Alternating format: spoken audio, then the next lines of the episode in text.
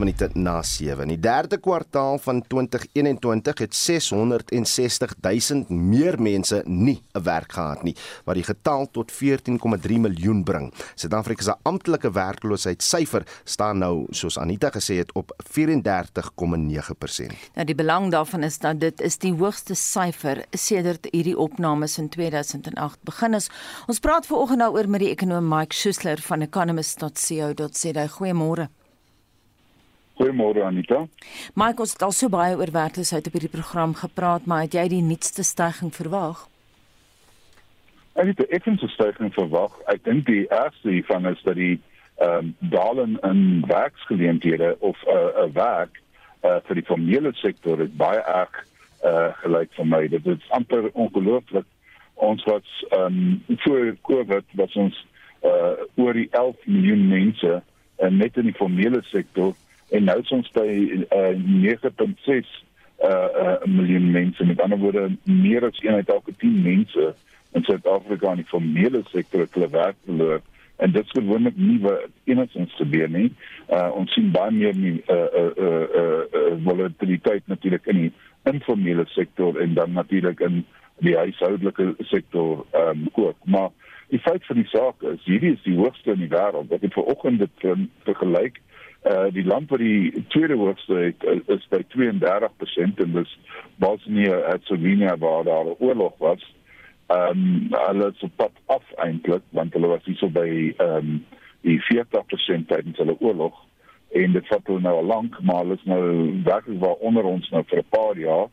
En hulle daal elke jaar so met 0.5% ons styg met 0.5% blyk nou omtrent elke kwartaal weer daar uh dis regtig 'n ongelooflike situasie om in te wees Kom ons trek net so 'n vet lyn met 'n donker koutjie pen onder hy lyn die ergste in die wêreld my.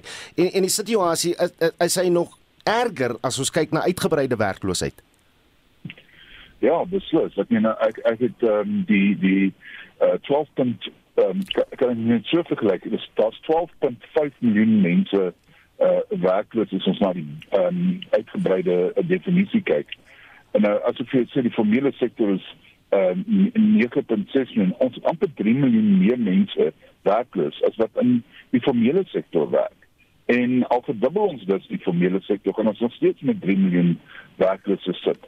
So dit dit is ehm um, dit dis ongelooflik uh, sleg. Ek meen ehm um, die die die die ehm um, drie werkloosheid het so 2 jaar gelede in 2019 vir die eerste keer aan 10 miljoen geraak. In 'n periode van ek sê twee in 'n bietjie jaar ek is nou nie 100% seker of dit 2 en 'n half jaar of 2 en 3 kwart jaar is nie, maar het ons uh, 2 en 'n half miljoen mense uh, uh, meer werkloos. Ehm um, dit dis amper jy weet dit dis dit dis onbeskryfbaar hmm. en ons sien in ander lande ek net weer 'n ander definisie of of of okay, ons het gesien klim werkers uit oral in die wêreld met Covid, maar ook hoe kom dit af? So Amerika het gaan draai by 14% werkloosheid Dit is nog steeds minder as die helfte van ons en dit was net vir 'n maand daar. Alles nou onder die 5% werkloosheid weer op pad 4% toe. Ehm um, ek kan nie al die lande onthou nie, maar dat is omtrent 20, 30 lande wat vinnig 'n uh, uh, uh, rukkie by die 10% of meer gedraai het.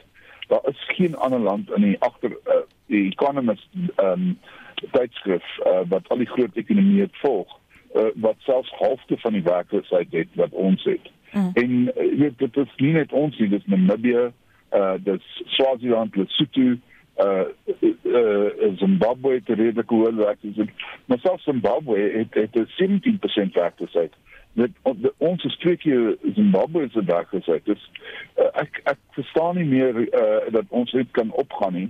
En dit dit dit dit dit is die die probleem jou ehm um, ja, ek kan nie van baie se mense kan nie belasting kry nie, maar jou jou belastingbasis word minder, maar die groot ding is jou geweld en jou uh, diefstal en uh, jou sosiale onrus hmm. is nou baie moontlik om hoor te word. Michael, ons moet en by ander vrae Ons moet by ander vrae ook uitkom as jy 'n bietjie korter kan antwoord. Hierdie reisverbod gaan ook nie veel help nie en weer eens is Suider-Afrika die teiken jy het nou verwys na ons buurlande waar dit reeds sleg gaan. Hmm. Ja, nee, uh, absoluut. Die reisverbod dit een uit elke 8 mense omtrent uh, werk in toerisme. Ehm um, uh, of, of so so werk is afhanklik van toerisme. Uh die groot geld in toerisme is is nie die Suid-Afrikaners nie, maar die oorsese mense se daar is wel weer eens sê een uit elke 15 werksgeleenthede is weer onder druk en dis heel moontlik dat ons weer werksverliese sien. So ja, en jy moet maar saam. Dis is 'n ongelooflike slegte situasie in Monterey.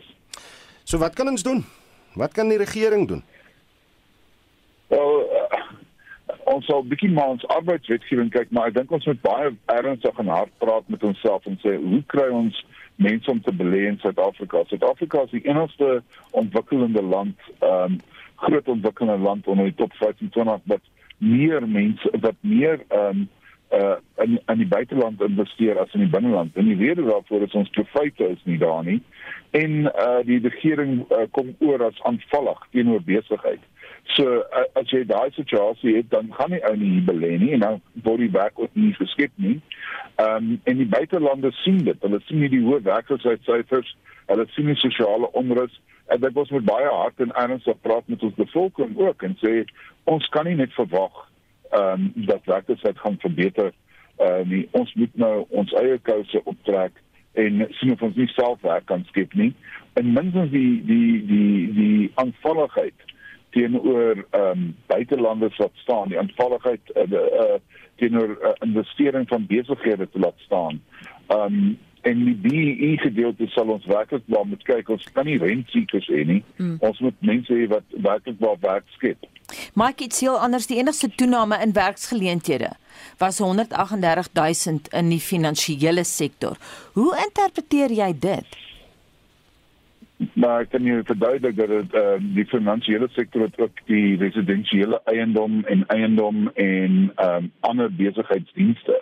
En onder ander besigheidsdienste die baie eenvoudig dit is sekuriteit uh uh werk. Dit is een van ons grootste sektore en ek dink ehm uh, na die ehm um, onrus in uh, KwaZulu-Natal en Gauteng meestal het baie meer mense werk gekry sekuriteitswagte.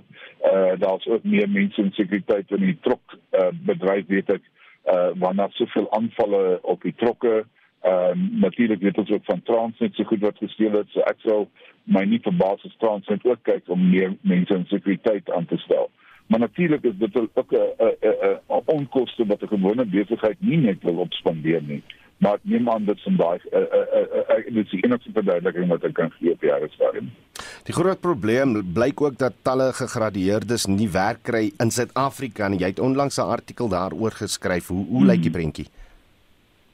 Wel, ek het nie die jongste uh uh data daarvan dan moet ek 'n bietjie dieper grou. Hmm. En uh, maar ek moet sê dat in die tweede kwartaal het ons gesit met 'n situasie waar uh 65% van alle gradueerdes se werk het. En 12 jaar voor dit was dit 80%. So dit daal ook omtrent met 'n persent. En dit sê ook vir jou uh dat ons spandeer baie op onderwys. En net verder, daar's nou meer matrikulante sonder werk uh, dis nie noodwendig werkloosheid nie, maar matrikulante wat nie werk nie, kan ook wees dat hulle uh, uh, nog verder studeer of huisvrou is of wat ook al. Maar dit dit was nie die situasie in 2008 nie, dit is omgekeerd. 60% van alle matrikulante het toegewerk en 40% nie. Nou is ons met 'n situasie waar 40% van matrikulante werk en 60% van die matrikulante werk nie. So uh, al ons opbrengste in onderwys gaan verlore en dan sit ons natuurlik met die probleem is baie mense met grade doen nie die werk wat daai grade voor bedoel is nie. En dit is 'n baie groot probleem. Dis Mike Schuessler, die hoofekonoom van economist.co.za. Die appel van Bloemfontein het 'n belangrike uitspraak gelewer oor die oordrag van watergebruikersregte. Dit volg na jarelange stryd nadat die departement van water en sanitasie in 2018 die gebruik beëindig het. Vir meer oor die Suid-Afrikaanse Vereniging van Watergebruikers en Agri SA se hofstryd en die pad vorentoe praat ons nou met die hoof van Vasken Natuurlike Hulpbronne Departement wat spesialiseer in water, omgewings, mynbou en hernubare energie reg François Joubert. François môre by Monitor, uh, hoe is die oordrag van watergebruiksregte deur ons departement van water en sanitasie beëindig? Môre Anita, môre Udo. Uh, ja, dit het heel onverwags in 2018 gebeur toe destydse hoofdirekteur van regsaake by die departement eensydiglik 'n interne memorandum uitgestuur het wat sê voortaan gaan alle uh, oordrag van water beide tydelik of permanent gestop word. Ehm um, dis voorheen deur die watergebruikersvereniging bestuur en besproeiingsrade. Dit is 'n statutêre mandaat wat ehm um, uit die waterwet uitkom en hy het dit net een, eenvoudig net gestaak en gesê geen geen verdere oordrag gaan geskied nie. Fransjo, wat is die redes wat die departement aangevoer het? Anita, hulle hulle twee redes hoofsaaklik. Die eerste rede is ehm um, natuurlik hulle uh, beroep hulle self op artikel 3 van die nasionale waterwet 36 van 98 wat sê die staat is die custodian um, van alle water wat natuurlik aan almal behoort in Suid-Afrika. En as die openbare trustee van die nasie se waterhulpbronne moet hulle eh, die nasionale regering deur middel van die departement van water en sanitasie ehm um, verseker dat die water beskerm, gebruik, ontwikkel, bewaar, bestuur en beheer word op 'n volhoubare en billike wyse tot voordeel van alle persone en ooreenkomstig die nasionale regering se grondwetlike mandaat. So, dis die een ding. Die ander ding wat hulle dan hulle self beroep op is artikel 9 wat sê dat water gelyk verdeel moet word en aan almal op 'n gelyke basis beskikbaar gestel moet word en dat die artikel 25 wat dan nou die oordrag van water ehm um, reguleer uh, nie nie dit nie die die uiting van die wet eerbiedig in terme van artikel 3 en artikel 9 nie. Wie, wie is tot dusver grootendeels deur die regering se siening oor hierdie saak geraak? Hoe 'n groot sektor sektore. Ehm um, die grootste natuurlik is die um, landbou uh sektor maar ook die mynbou sektor en enige ander persoon wat tydelike gebruik van water wil opskoor dit vir iemand anders beskikbaar stel om te gebruik en om weer later te uh, te gebruik of wat sien oor ek het genoeg water ek wil ehm um, dit is 'n as as 'n beperkte reg aan iemand anders verkoop almal vandaan maar hoofsaaklik die boere. Ehm um, hulle is die ergste geraak. Hmm. Ek wil nou juist vir jou vra 'n bietjie meer uit te brei die betekenis van die appel of uitspraak dan vir die wat oor watergebruiksregte beskik en wat dit dalk wil oordra of die wat daai waterregte wil bekom. Ons het baie luisteraars wat in daai posisie is, François. Ons het baie baie luisteraars ehm um, en en, en veral Dit is net belangrik om te sê dit is hoekom die Suid-Afrikaanse Vereniging van Watergebruikers Vereniging SABOA ehm um, onder baie bekwame leierskap van die Kloetse. Ehm um, en sy span besef dit maar hoorie al hoe meer boere kom by SABOA aan met versoeke om te sê ek wil graag water oordra tydelik of permanent en as gevolg van hierdie eensydige memorandum moes die uh, SABOA dan sê luister ons hande is nou afgekap Ons kan dit nie vir jou oordra nie. Jy weet self, ons weet almal dat ehm um, landbou seisoonaal is. Jy kan nie wag vir die volgende seisoen om jou perskes of ek vat net maar net 'n voorbeeld of jou ehm um, jou ander gewasse te plant nie. Jy moet dit binne sekere tydperke doen deur baie lang historiese gebruik. Onder die 1956 waterwet al en wat oorgedra is na na die 1998 waterwet is die die die oordrag van water goedgekeur. Dit is nie 'n ding wat nie is nie. Dit is 'n ding wat van 98 af ehm um, jy weet altyd gebeur het en nou ewe skielik met boere hoor waar hulle bestaande ooreenkomste met ander boere het binne besproeiingsraadgebiede en opvangsgebiede moet hulle nou hoor Hulle kan nie weer meer dieselfde doen nie bloot omdat okay. die departement eensydig besluit het en mense um, onthou dat hierdie besluit geen sin met enige um, um, enige van die stakeholders van die beide van die landbousektor of die mynbousektor met niemand bespreek het nie. Dit het net eendag uitgepop. François, is dit nou die laaste been in die stryd met die regering hier oor of gaan hy voortduur? Nee, Udo, ek dink die die die staat gaan dit heel moontlik ehm um, probeer om op appel te vat na die konstitusionele hof. Ehm um, so ek dink nie dit is die einde van die van die saak nie, maar die appelhof besluit wat ons gekry het, die uitspraak was 'n baie uh, goed deurdenkte en goeie uitspraak. So ehm um, ja, ons sal moet sien. Dit was François Juberi hoof van Vasken Natuurlike Hulpbronne Departement wat spesialiseer in wateromgewings, mynbou en hernubare energie reg. Voorlopige ondersoeke toon dat polisiebeamptes en lede van die misdaadintelligensieeenheid moontlik betrokke was by die onrus wat in Julie in KZN en Gauteng uitgebreek het. Dit spruit uit die getuienis van die nasionale polisiekommissaris, generaal Kekla Sitole, voor die Menseregte Kommissie. Die kommissie ondersoek die wyd verspreide onrus in die twee provinsies waarin meer as 350 mense dood is. Die skade wat aan sakeondernemings aangerig is, beloop miljarde rand. Essie de Klerk het meer. Dit was gister die tweede keer dat Setoli voor die kommissie getuig het. Die kommissie se getuienisleier, Kekeletso Mochabi, wou gister by Setoli weet waar hy was toe die onrus uitgebreek het. Mochabi het die vraag aan hom gestel na aanleiding van beweringe dat Setoli nêrens op voedselvlak te sien was om te probeer om die situasie te ontlont nie. So the country has a crisis. You have a minister that you have to report to, right? You decide to deploy a deputy national commissioner. You don't give the minister the intelligence report. You didn't think it was necessary. What should the public make of, of that? Sitole het getuig hy was nie saam met die minister van polisie Bekkie Cele nie omdat hy die situasie op 'n nasionale vlak gemonitor het.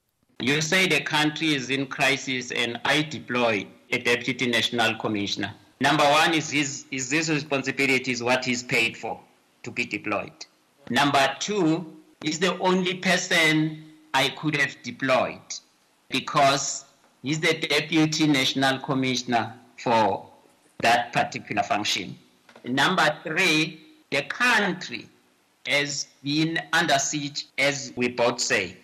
But then I could not have gone to a specific hotspot because there were hotspots all over and across. Die getuienisleier advokaat Smanga Setene wou ook by Setoli weet of hy glo dat hy steeds verdien om die nasionale polisiekommissaris te wees nadat die polisie daarin gefaal het om die onrus en gepaardgaande plundering te voorkom. Sotoli het geantwoord dat hy glo hy steeds vir sy pos geskik is. You have failed the country. You have considered that the estimated 50 billion was lost to the country. The country's image has been dented. Investor confidence has nosedived.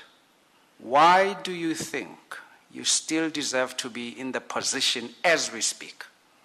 It's because me and you didn't go into the root cause analysis of exactly the factors you are highlighting. No, but that is in, because of brazen incompetence. It's your conclusion. I am saying, me, I can still do the job. And the factors you're outlining, we did not get into the root cause analysis of it. Sitole het getuig voortgesette polisieondersoeke het aan die lig gebring dat polisiebeamptes en lede van die misdaadintelligensieeenheid by die onrus betrokke was. Are there any indications that any police officer or anyone in intelligence has been involved in the planning or execution of the plan pertaining to the unrest? Up to this far, Chair, we haven't arrived at a full conclusion that uh, this intelligence person is involved, but the investigation which is going on suggests that uh, the infiltration process also went to crime intelligence.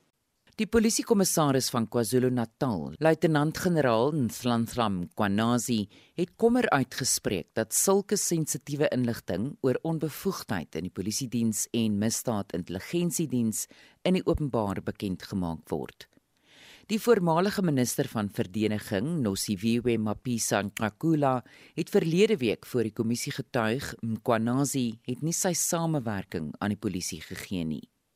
Mkwanazi verduidelik South Africa is a democratic country. We need to be transparent about whatever we do. But according to my assessment, and this is my personal opinion, that this freedom we have has got the potential of causing more damage for this country. And I do hope that as we appear here before the Commission in front of television, we are going to disclose security strategies of the security cluster. We've been talking about the lack or however otherwise of the intelligence community.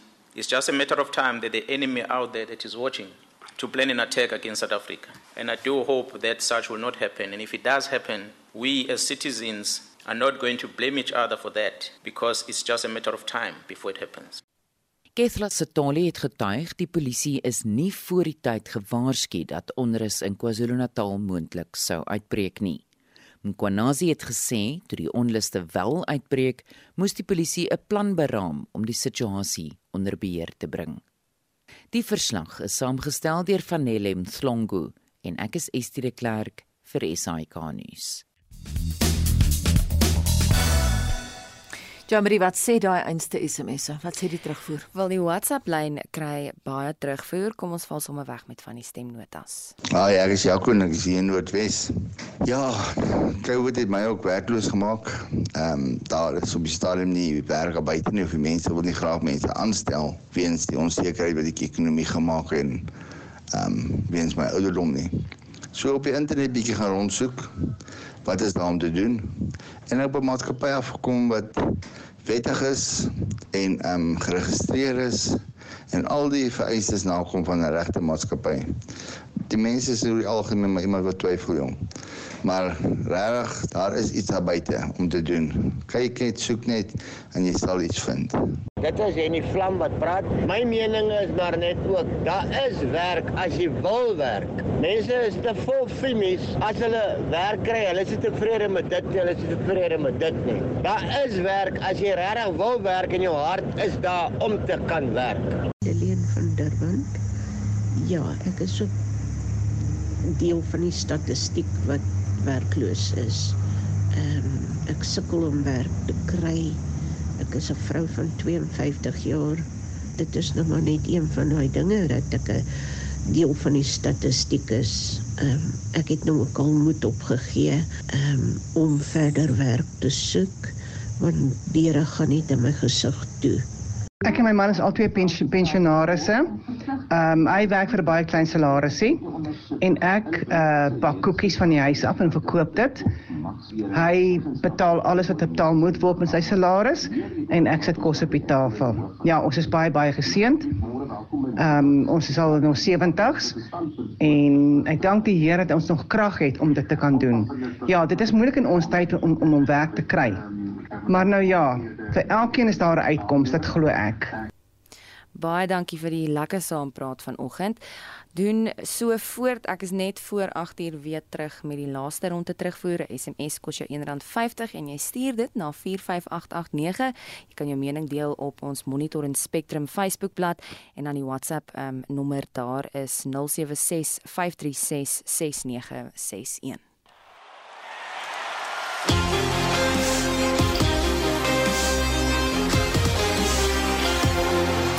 Kom ons beweeg na die sportveld met Shaun Jooste. In vanoggend se bydrae kyk ons na tennisnuus. Die tweede vierdag cricketwedstryd tussen Suid-Afrika en Indië se A-spanne het begin en verskeie sokkeruitslae en bepalinge. Die Davis beker toernooi is in Spanje, Italië en Oostenryk aan die gang. Duitsland het Groot-Brittanje gisteraand in die kwartfinale met 2-1 uitoorlê. Sake was gelykop na die enkelspelwedstryd en die beslissende dubbelspelwedstryd is toe 7-6 en 7-6 deur Duitsland gewen. Kazakhstan meet vandag teen Servië kragte. Die wêreldnommer 1, Novak Djokovic, is deel van die Serviese span. Kroasie is ook reeds deur na die halfeindronde. Cricket.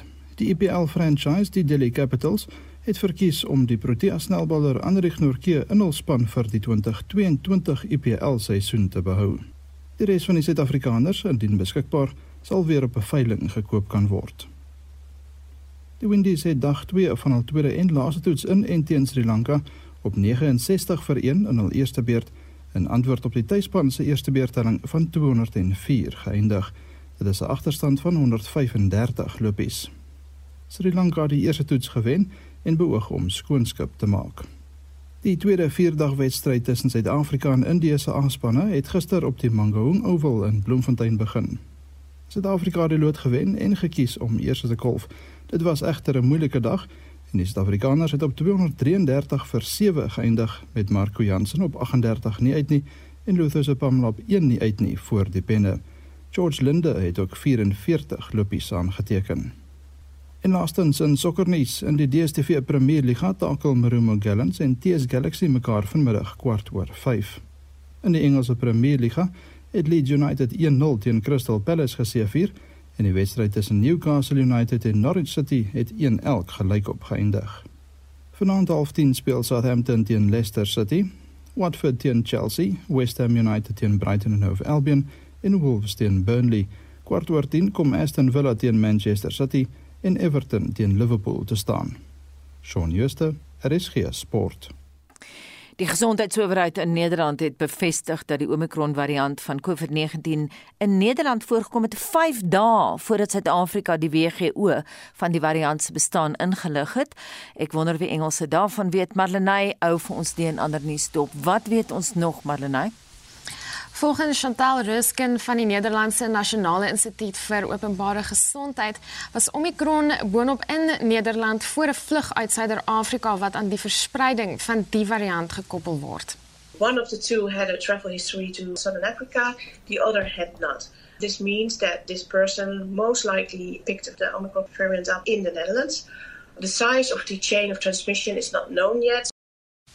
Nou hoe wyd die variant reeds versprei het in die wêreld sal egter eers heelwat later bekend wees omdat slegs laboratoriumtoetse dit kan bepaal. Daar is verder kommer oor die doeltreffendheid van die huidige inentings teen Omicron, maar vervaardigers sê hulle is gereed om hul enstowwe aan te pas. Intussen poog verskeie lande steeds om soveel as moontlik mense in te ent teen die virus. En in Griekeland word mense bo 60 wat nie ingeënt is nie, nou beboet. Die Griekse premier Kyriakos Kyriakos Mitsotakis. Γι' αυτό το λόγο και ο εμβολιασμός τους I have no doubt that this political decision will save human lives because vaccination becomes more than just compulsory. It saves lives. It's necessary for health. It's necessary for the whole society. En in Brittanje 'n veldtog ook nou geloods om derde Pfizer dosisse toe te dien. So ons hou verwikkelinge dop en kyk maar wat die res van die wêreld hieroor doen. Nou ander deel van die eh, wêreld in Jemen spits die Houthis hulle nou toe op Marib, die laaste vesting van die internasionaal erkende regering. Die gebied is boonop een van die land se rykste bronne van olie. Ja, die land se weermag word ondersteun deur Saudi-Arabië, Amerika en Brittanje en die Houthis deur Iran. Nou indien die Houthis die stad inneem, kan dit die einde van 'n 6 jaar lange konflik in Jemen beteken. Intussen die wêreld se grootste humanitêre krisis in die land voort. Nou die vroue is vlugtelinge net buite die stad. Hulle het al 11 keer gevlug. We witnessed everything. Fear and panic every time. The kids are terrified when they hear missiles or shooting. My kids saw bodies blown to pieces. In the evening, my seven year old says he sees ghosts. They are haunted by the people they saw killed. En volgens die VN is die mans van vroue soos die of dood of besig om te veg en die Jemense weermag glo dit steeds 'n voet om op te staan, maar in hospitale skets die aantal beseerde weermaglede 'n ander prentjie. Een van die mans wat met die BBC gepraat het, het 'n gedeelte van sy arm verloor in die stryd teen die Houthis, maar sy veggees is nog nie gebreek nie. You will fight again afterwards. Yes. Why not? Well, you've got one arm. One arm, uh-huh. but it's just one plastic one. Then it's just some rope you can tie the gun and you can fight. We are Yemeni people. We are so tough. Dit dan 'n Jemense weermaglid wat sê hy sal 'n geweer aan 'n kunsmatige arm vasmaak en weer gaan veg.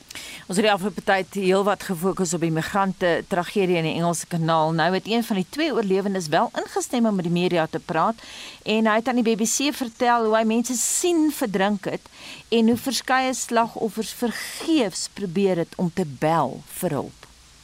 Ja, die 28-jarige Mohammed Isa Omar is nou in Frankryk. Nou hy is op die boot waarin 31 mense vervoer is, het na 3 en 'n half uur begin sink. Diegene wat nie kon swem nie, is volgens hom binne minute dood.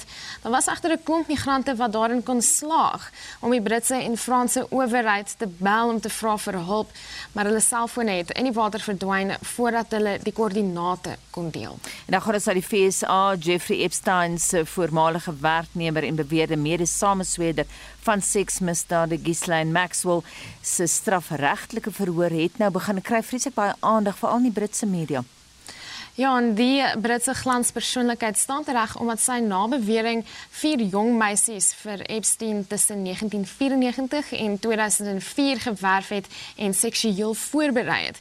Na die aanklaer se eerste getuie, 'n vlenier vir Epstein, het Maxwell se verhouding met hom beskryf as 'n meer persoonlike verhouding as 'n sakevernoot. Hy het ook getuig dat hy verskeie groot name soos prins Andrew, Bill Clinton, Donald Trump en Kevin Spacey na luukse bestemmings moet vlieg. Nou vier ander getuies sal na verwagting ook teen Maxwell getuig tydens die verhoor wat tot minstens vroeg in Januarie gaan duur. En dit was Madeleine met 'n oorsig van wêreldnuus gebeure. Die minister in die presidentskap, Mondli Ngombele, sê die regering wil die plaag van geslagsgeweld wat in die land woed uitwis. 'n Genderspesialis en opvoeder, Joan de Klerk, sê geslagsgebaseerde geweld kan huishoudelike geweld, tuistering en ander forme van geweld deur 'n man teenoor 'n vrou insluit. Die geweld kan ook emosioneel wees. Metsi van der Merwe het meer besonderhede. Suid-Afrika is berig vir sy hoë vlak van moorde op vroue. Die regering se vroue moordbevelsentrum noem 'n syfer van 2700 vrouens wat weens geslagsgebaseerde geweld sedert 2000 dood is. Dieselfde sentrum het in Maart 2020 sowat 120 000 slagoffers in die eerste 3 weke van die Grendeltydperk aangemeld. Dit was 'n tipe tweede pandemie op die hakke van die COVID-19 pandemie. Gewelddadige sterftes van vroue deur intieme maats in Suid-Afrika was die vierde hoogste van die 183 lande wat deur die Wêreldgesondheidsorganisasie in 2016 gelys is. Joan de Klerk, genderspesialis en opvoeder If you just go back in the history to 2020, 2019, 2020, with the launch of the emergency response plan, where government then started taking gender-based violence seriously and then adopting a program, the National Plan of Action for Gender-Based Violence. That's the government program. So they are taking it seriously, but I think where the problem is, is lack of resources and lack of education. Sy sê opvoeding in gendergebaseerde geweld het ten doel om die denke van mense te verander oor hoe jy vroue en kinders hanteer. Because it's about respect of your human rights as a person. Then if you respect a person's human rights, you won't entrench on that right of freedom, that right of free movement, and so on. Help die veldtog om vroue en kinders teen die geweld van mans te beskerm? If you look back at 1991 when this campaign was initiated in Canada after the Montreal massacre, when this young uh, man, Mark Epin, shot and killed a group of students and himself in that time. That's what they called it, the massacre. It then initiated women's movement to raise the issues of violence broadly. But I think the campaign is important to raise awareness. Throughout the year, yes, you would have other programs like 365 days of violence against women, but there needs to come a time and point where you highlight the campaign against so that people become aware of their rights when they are abused and where they can seek recourse. Slagoffers moet weet waar hulle kan gaan kla. Burgers moet voortdurend onderrig word. The campaign is just highlighting there's other work that goes on throughout the year, but the campaign is a highlight specifically to say, remember, we have this campaign. We need to still protect our women, children, and vulnerable people. Now, there are very many vulnerable people across the country. For example, the LGBTI community that has also experienced very high levels of violence in this country. So you need to remind people De Klerk sê mense moet gereeld hoor wat hulle kan doen as hulle aan sulke geweld blootgestel word. Maar hoe pas ou wêreld se charme en ridderlikheid in hierdie prentjie? In its own sense in that if you talk about chivalry you're giving men power over women already by just coining the term chivalry. So for me if you talk about power relations rather because that's where your incidents of gender-based violence come through because we have serious power relations in the country across the world where women are not viewed as equal, they're not viewed as as worthy, they are expected to be subservient, they are then being constantly oppressed in all forms and all ways and uh, a lot of time in all forms of violent incidents. De Klerk sê daar moet eerder gepraat word van magsverhoudinge in die Suid-Afrikaanse konteks waar vroue onderdruk word. And how we empower our women to take back their voices and speak up for themselves. Hoe toegerus is die Suid-Afrikaanse Polisie diens in De Klerk se opinie om geweldsgetuisterde vroue en kinders te help? Well, from my experience, the police seem not to be equipped enough to help victims of violence, if I can put it like that. Although there are a lot of police stations They have victim empowerment centers linked to them, and they're supposed to be equipped. But I think they still lack in the way the report. If you look at the crime stats, our crime stats are not even disaggregated. It just says 10,000 rapes. We don't know who has been raped or sexually assaulted. You need to segregate according to gender and according to age so that you can see where the problem is. Volgens de Klerk is die statistiek nie volledig genoeg om aan te dui wat die aard van die probleem is nie. If the problem is with only the youth of the country, there needs to be more programs around that to empower the youth and how to protect themselves against rape and how they need to claim their voices and how to tell people what to do when you're in a situation like this. And then also, of course, prepare them for what happens once you are raped, the court cases and all of those things. That does not happen. So if you just say 10,000 people, the way the crime stats were released the other day, it doesn't give you a clear picture on where the problem really lies. Hoewel de klerk toegee dat sy nie baie met skole te doen het nie, glo sy kinders word geleer wat hulle regte is. There is life orientation in school. They're supposed to teach children about firstly their rights. They start in primary school. Uh, what are their rights in terms of the Bill of Rights, in the Constitution? And then secondly, they do teach them about sexual violence and rape and domestic violence. What needs to happen is this is not a school initiative. It's everybody's responsibility to teach children about their rights and how to access their rights. So the kids know that I don't need to keep quiet when I have been physically abused or I've been sexually abused. I need to speak up. I need to raise the issue so that it can be dealt with. Die waarde van die 16 dae veldtog teen geweld teenoor vroue en kinders lê vir die klerk in die bewusmaking van die probleem. And a reminder to those abusers or those perpetrators of violence that we are aware and we are working on it and we are planning to eradicate it. John de Klerk was die direkteur van openbare opvoeding en inligting by die kommissie van gendergelykheid. Sy is deesdae 'n genderregte spesialis en konsultant. Mitsi van der Merwe, SAK nuus. En van Estie gaan ons na Jo Marie laaste SMS terugvoer wat sê ons luisteraars. Ja, ons het vanoggend gepraat oor die jongste werkloosheid statistiek en of jy dalk die pot aan die kook uit deur self 'n diens of produkte verskaf. Daar's 'n laaste stemnota waarna ons kan luister. My skoonseun het ook sy werk verloor en hy het oral te gesoek. Hy het oor die 600 CV's ingestuur. Toe besluit hulle nie hulle gaan hulle eie skrootwinkel oopmaak onder in Natal en hulle het baie gesukkel in die begin want hulle was vreemd, mense het hulle nie geken nie. Maar nou dat die mense hulle begin leer ken, nou gaan dit baie beter. So daar is altyd kansse om iets nuuts te begin. Dan skryf Henny op Facebook: Ek is in September verlede jaar afgedank. Ek het 'n label converting masjien ingevoer en 'n label vervaardigingsbesigheid begin. O, oh, dis 'n bedryf waarin ek 17 jaar is en baie goed ken en verstaan. Party maande is beter as ander maande. Dis nie maklik nie. Min kliënte wil jou 'n kans gee om te kwoteer terwyl jy weet jou pryse is mededingend en diens is dalk baie beter. Maar ons gee nie op nie. Ons het 'n droom waarna toe ons werk.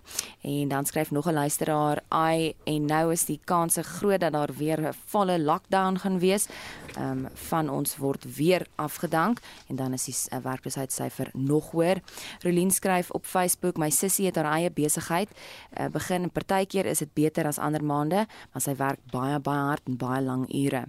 En dan Sandra wat skryf op 72 hassel ek en my man om by te bly finansiëel. Ek het 50 jaar skool gehou en nou toeter ek 'n bietjie, maak klere reg, tempe bietjie en is ook 'n crafter en kunstenaar wat my goed verkoop. Hy my man maak speelgoed, hy doen bietjie houtwerk en doen 'n bietjie onderhoud. Dit hou ons jonk, skryf Sandra. Ja, Nou ja, vir luisteraars wat ons vorige onderhoud gemis het met Mike Schuessler van economist.co.za.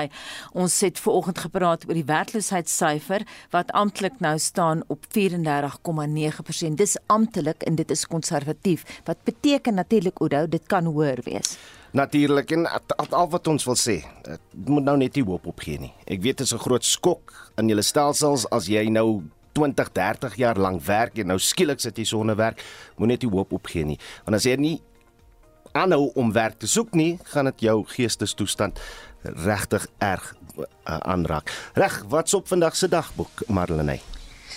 Dis wêreld vigsdag in Suid-Afrika doen baie goeie werk daar, so ons gaan 'n bietjie daarop fokus. Die Menseregte Kommissie se sittinge oor die Julie onluste in Gauteng en KwaZulu-Natal duur voort en die Hooggeregshof in Makanda in die Oos-Kaap hoor vandag 'n dringende aansoek aan vir 'n tussentydse hofbevel teen die Petrol Shell se planne om 'n seismiese toetsprojek aan die Willekes van KwaZulu-Natal te begin. Dit tussen 12 en 1 vanmiddag op Spectrum.